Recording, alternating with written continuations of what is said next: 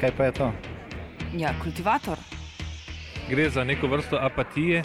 To lahko reče samo kreten, noben drug. Socialni invalid in ga je ne mogoče urejati. Drugi kandidat. Pa, pa pije, kadi, masturbira, vse kako hoče lahko počne. Nihče tega ne ve. Vsak petek v off programu skultiviramo dogodek tedna. Lahko po kriterijih radio študent, težko pa po evropskih kriterijih.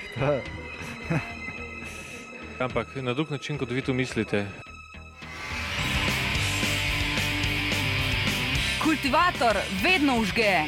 Da pač nekdo sploh omenja probleme, ki so, in da pravzaprav sploh nekdo sproži dogajanje uh, v družbi. To drži, drži.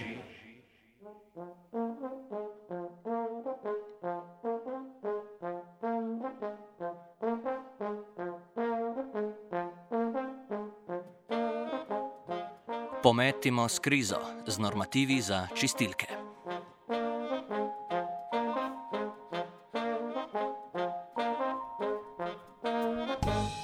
Po štiriletni vladavini Janeza Janše med letoma 2004 in 2008 se je vlada Boruta Pahorja v določenih segmentih izkazala za ravno toliko neoliberalno kot njena desna predhodnica. Na vse zadnje je čaščenje kluba bogatih v obliki organizacije za gospodarsko sodelovanje in razvoj oziroma OECD z njenimi nasveti o krčenju delavskih in socialnih pravic blizu tako Pahorju kot Janši. Vseeno pa je povratek desne opcije na oblast znova dokazal, da nijanse v vladanju kljub neobstoju resnih konceptualnih razlik vendarle so. V tako priljubljenem jeziku, sedaj vladajočih, lahko rečemo, da napovedani vladni varčevalni ukrepi prinašajo dodano vrednost. Vprašanje je, za koga. Vlada je oznanila, da je treba kot del boja proti krizi letos zmanjšati proračunske odhodke za 818 milijonov evrov, javni primankljaj pa znižati na 3 odstotke bruto domačega proizvoda. Vlada namerava te cilje doseči predvsem s krčenjem izdatkov v javnem sektorju in socialnih transferjev, kar v prevodu pomeni nižanje plač in krčenje socialnih in delavskih pravic.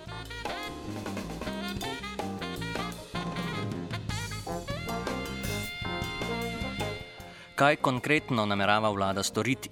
Med drugim namerava znižati plačila porodniških dopustov, omejiti denarno nadomestilo za brezposelne, znižati letni dodatek za upokojence. V državni upravi bi zaposleni prejeli nižje nadomestilo za prevoz in različne dodatke. V javnem sektorju naj bi se znižale plače, po zadnjem predlogu vlade za 8 odstotkov. Vlada, ki glede na izjave veljakov Slovenske demokratske stranke in Nove Slovenije ob referendumu o družinskem zakoniku postavlja družino v sam center družbene pozornosti, želi ukiniti subvencije za družine, znižati starševsko nadomestilo za njego otroka, predlaga se ukinitev brezplačnega vrtca za drugega otroka, tudi subvencije za šolsko prehrano bi veljale le za socialno najbolj ogrožene učence in dijake. Eden od protikriznih ukrepov bo tudi povišanje normativa za čistilke in sicer z 900 na 1000 km2, kar pa ne bi smel biti problem, saj, kot dodaja Turk, so sedaj na voljo učinkovitejša čistila in čistilni stroj. Kot dokaz ponujamo izjavo ministra za izobraževanje, znanost, kulturo in šport Žiga Turka. Tudi normativ za čistilke v šolah večamo za 10 odstotkov. Na udaru so tudi študentje. Koncesijske dajatve za delo preko napotnic se bodo povečale z 14 na 25 odstotkov, kar bo podražilo študentsko delo.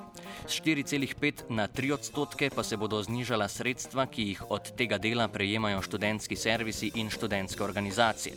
Ukinilo se bo subvencioniranje študentske prehrane čez poletje, znižale se bodo subvencije za bivanje pri zasebnikih.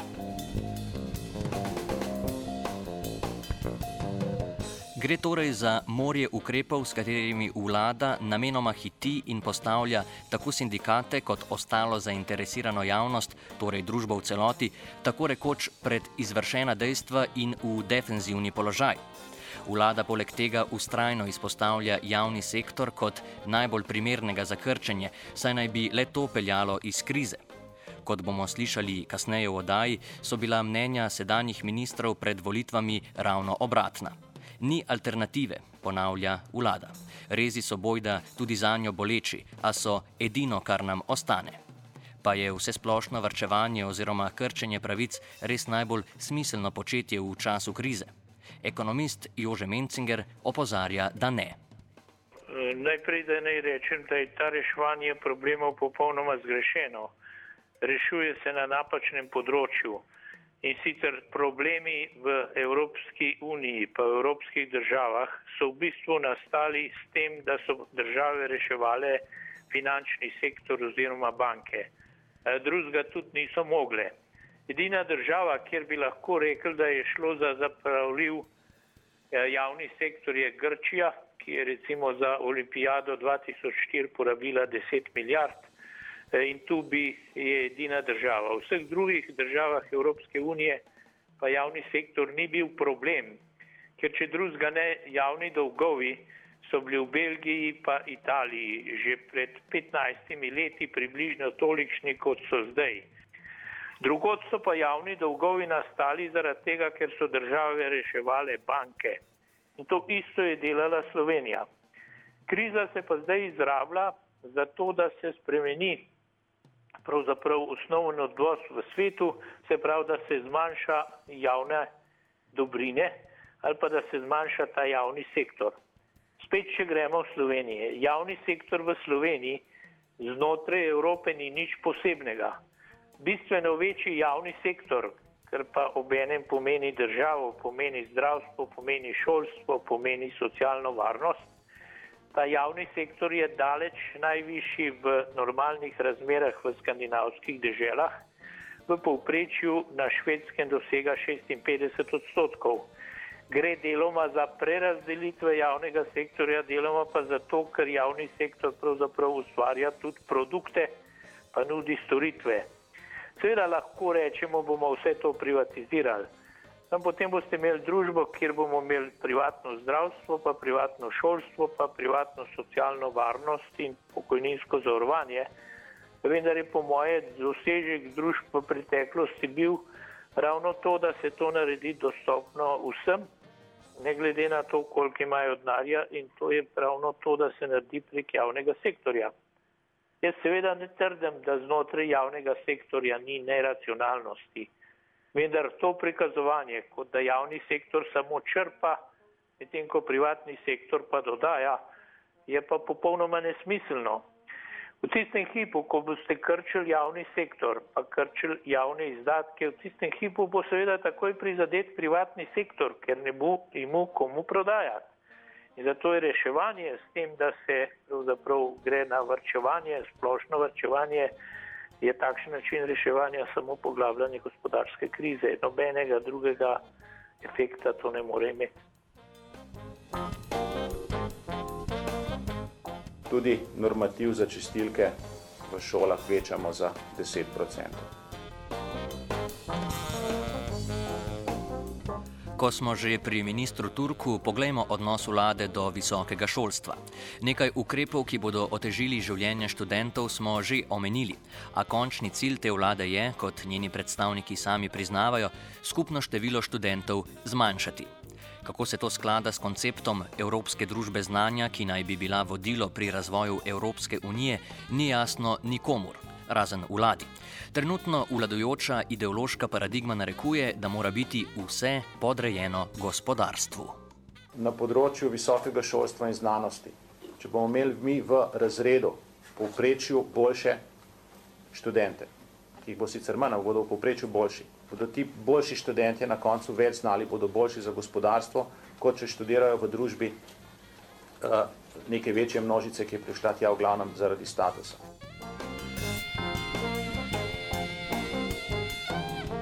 tudi normativ za čistilke v šolah večamo za 10 odstotkov.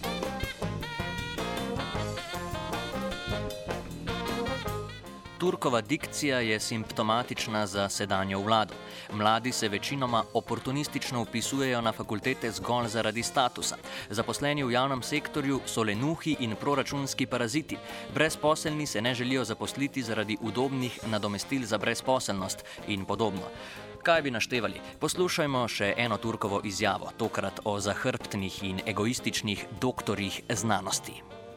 Na področju znanosti smo država, kjer je največji delež doktorjev znanosti zaposlen v inštitutih, v javnih raziskovalnih zavodih, ki jih seveda financiramo. Ne samo, da jih financiramo, dodatna škoda je, da ti doktori znanosti niso zaposleni v gospodarstvu. Izobrazili smo jih uh, in ne prinašajo uh, dodane vrednosti v našem gospodarstvu. Za Turka je torej že samo financiranje javnih raziskovalnih zavodov škoda, dodatno škodo pa delajo doktori znanosti, ki niso zaposleni v gospodarstvu. Gre za nič drugega kot ščuvanje enih družbenih skupin proti drugim, v upanju, da bodo tako lažje sprejeli ukrepe, ki bi v normalnih razmerah ljudi takoj pognali na ulice. O teh delitvah govori predavatelj na Fakulteti za družbene vede in pripadnik gibanja 15. oktober Andrej Kurnik. Seveda problem je, ne, da uh, smo v bistvu organizirani po nekih partikularnih uh, interesih in uh, nimamo nobenega nekega skupnega foruma, uh, ne, kjer bi lahko v bistvu definirali nek uh, skupen interes. Zato seveda imamo tudi v Sloveniji precej nekega delavskega šovinizma ali pa šovinizma revnih, skratka ne, reveži sovražijo reveže in seveda je povsod po Evropi uh, v bistvu oblasti eh, ščuvajo eh, ne, eh, te v bistvu žrtve krize druge proti, proti drugim. Tudi normativ za čistilke v šolah večamo za 10 odstotkov. Za trenutek ostanimo pri šolstvu. Visokem namreč. Kot rečeno, so na tnalu tudi študentje. Znižale se bodo subvencije za bivanje pri zasebnikih na predvidoma 17 evrov. Ukinilo se bo subvencioniranje študentske prehrane julija in avgusta. Povečale se bodo koncesijske dajatve na delo preko napotnic z 14 na 25 odstotkov. S tem si vlada letos obeta 24 milijonov, v prihodnjih letih pa 36 milijonov evrov. In že smo pri politikantskih saltah, ki so si jih privoščili sedanji oblastniki. SDS je namreč v času referenduma o zakonu o malem delu temu ostro nasprotovala, češ, da bo zakon takšne oblike dela podražil, kar naj bi bilo v času krize nesprejemljivo.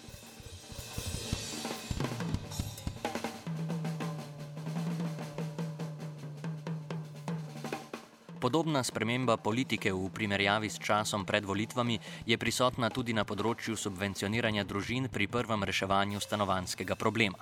Ko je prejšnja vlada predlagala znižanje teh subvencij, je sedaj vladna Nova Slovenija temu ostro nasprotovala.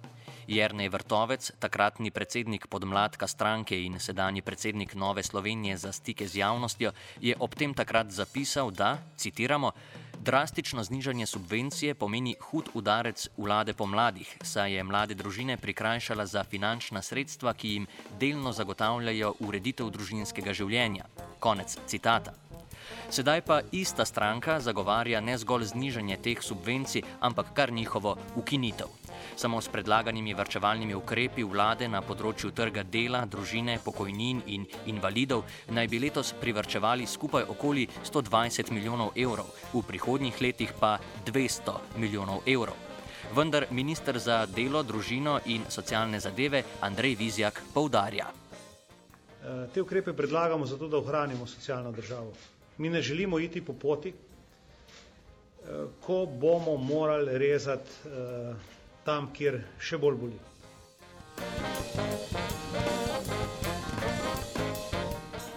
Protisocialni ukrepi so po mnenju ministra Vizjaka v bistvu socialni ukrepi. Tudi pri ukrepu skrajšanja dobe prejemanja denarnega nadomestila za brezposelne na največ 18 mesecev ima očitno vlada svojo logiko. S tem namreč želijo, po Vizjakovih besedah, brezposelne stimulirati k zaposlitvi. Goran Lukič iz Zveze svobodnih sindikatov se takšnemu sklepanju čudi. Seveda bodo, ja, vse. Kaj, mislim, to, je, to je pa neumnost sama po sebi. No, mislim, kako lahko to govoriš?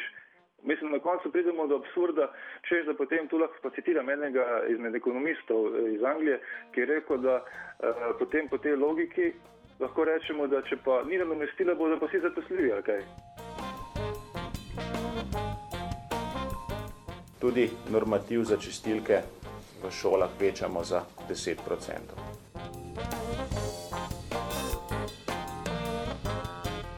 Socialni partnerji kot glavni očitek vrčevalnim ukrepom navajajo, da je vlada vse premalo predlogov pripravila tam, kjer se obrača največ denarja, torej pri javnih naročilih, gospodarjenju z javnim premoženjem, pri kapitalskih naložbah in luksuzu. Očitajo tudi, da vlada pozablja na spodbujanje gospodarske rasti in investicije. Tudi gospodarska zbornica Slovenije opozarja, da je predlog vladnih vrčevalnih ukrepov za uravnoteženje javnih financ predvsem nabor ukrepov odrekanja. Brez hitrega in občutnega zagona gospodarske rasti pa prihranjeni milijoni ne bodo imeli drugega učinka kot nadaljevanje stagnacije gospodarstva in nepovratno znižanje socialnega standarda prebivalcev. Rebalans bi moral predvidena sredstva usmeriti predvsem v razvoj in investicijske spodbude.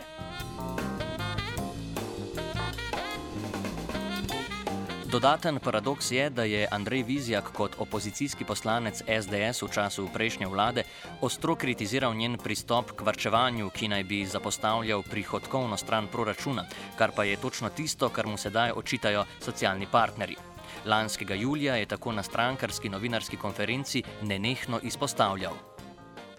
Črtajo se tisti produktivni deli proračuna, investicije, torej, eh, ki generirajo gospodarsko aktivnost. Zato se seveda vlada v tem trenutku vede, očitno proti koncu mandata, zelo neodgovorno in kratkovidno.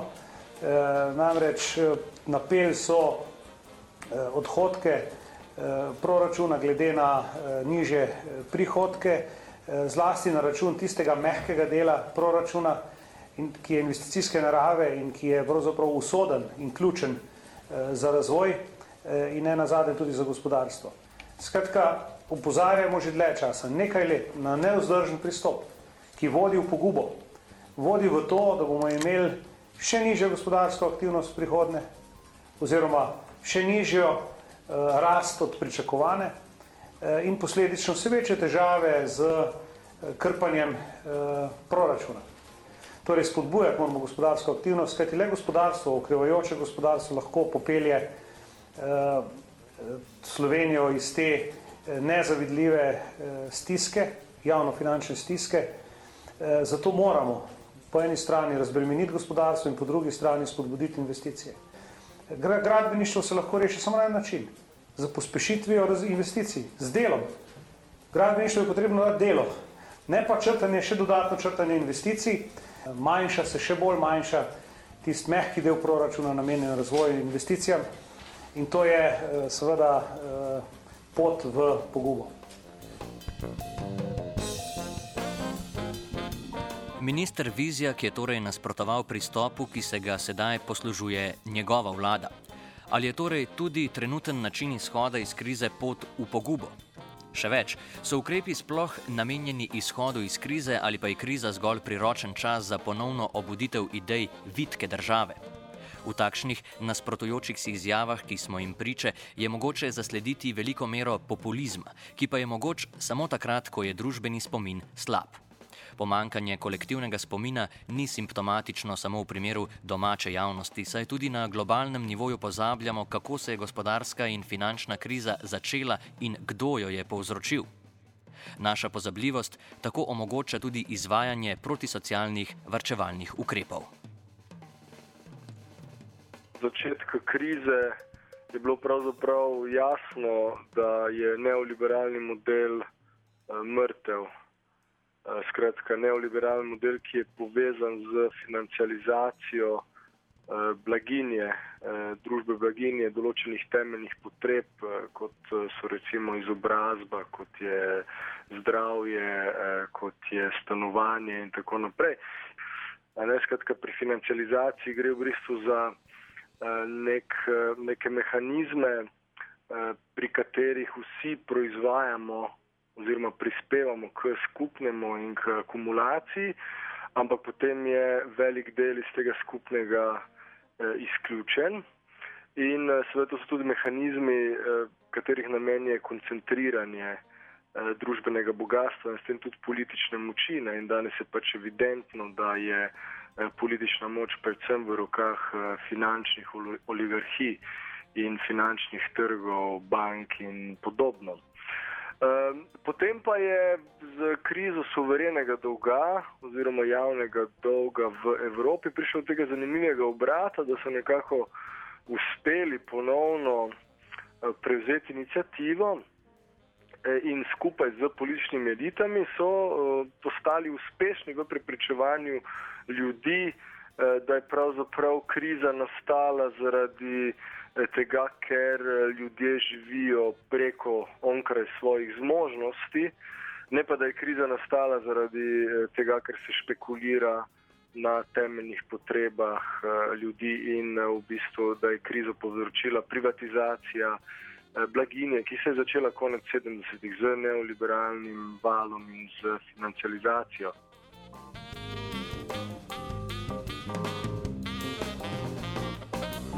Sindikalist Goran Lukič spominja, da ima ta ekonomski model konkretno ime oziroma kar dve.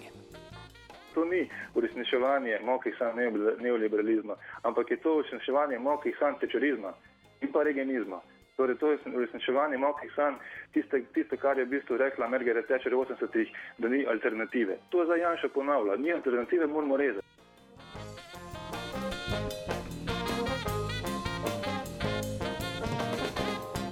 Superminister Žiga Turk je sicer znan po poetični dodani vrednosti svojih nastopov, a v primeru zagovarjanja vladnih vrčevalnih ukrepov se je še posebej izkazal. Domačo javnost tako miri sledečo izjavo. Oziroma se upravičujem, primerjavo.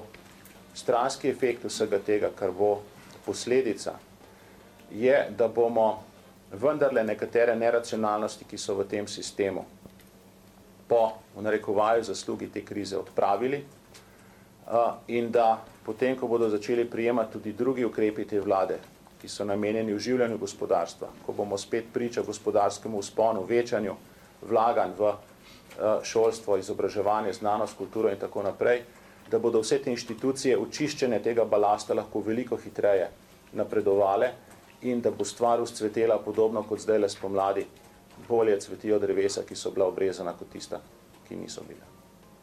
To je morda en tak srebrn oblak tega, srebrn rob tega sicer sivega oblaka, s katerim se moramo žal ukvarjati.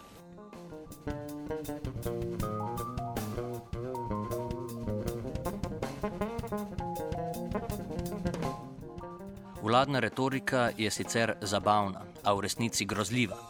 Kot smo slišali, so tisoči zaposlenih v javnem sektorju, ki bodo kot posledica teh ukrepov izgubili delo in socialne pravice, ki se bodo skrčile na minimum, zgolj balast, ki se ga je treba znebiti. Le tako očiščeni lahko upamo na svetlejšo prihodnost. Morda bo več sonca posejalo v naše domove, če bomo vsa drevesa, kot se je izrazil Turk, ki sedaj na nas mečejo senco, obrezali radikalno, do korenin. Tudi normativ za čistilke v šolah večamo za 10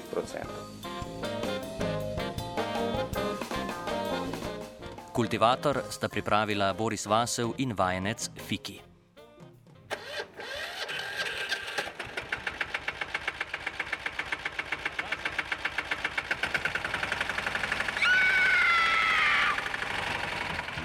E, kaj pa je to? Ja, kultivator. Gre za neko vrsto apatije. To lahko reče samo kreten, noben drug. Socialni invalid in ga je ne mogoče urejati. Drugi kandidat. Pa, pa pije, kadi, masturbira, vse kako človek počne. Nihče tega ne ve. Vsak petek v OF programu skultiviramo dogodek tedna. Lahko po kriterijih radio študent, težko pa po evropskih kriterijih. Ampak na drug način, kot vi to mislite. Kultivator vedno užge. Da pač nekdo sploh omenja probleme, ki so, in da pravzaprav sploh nekdo sproži dogajanje uh, v družbi. To drži, drži.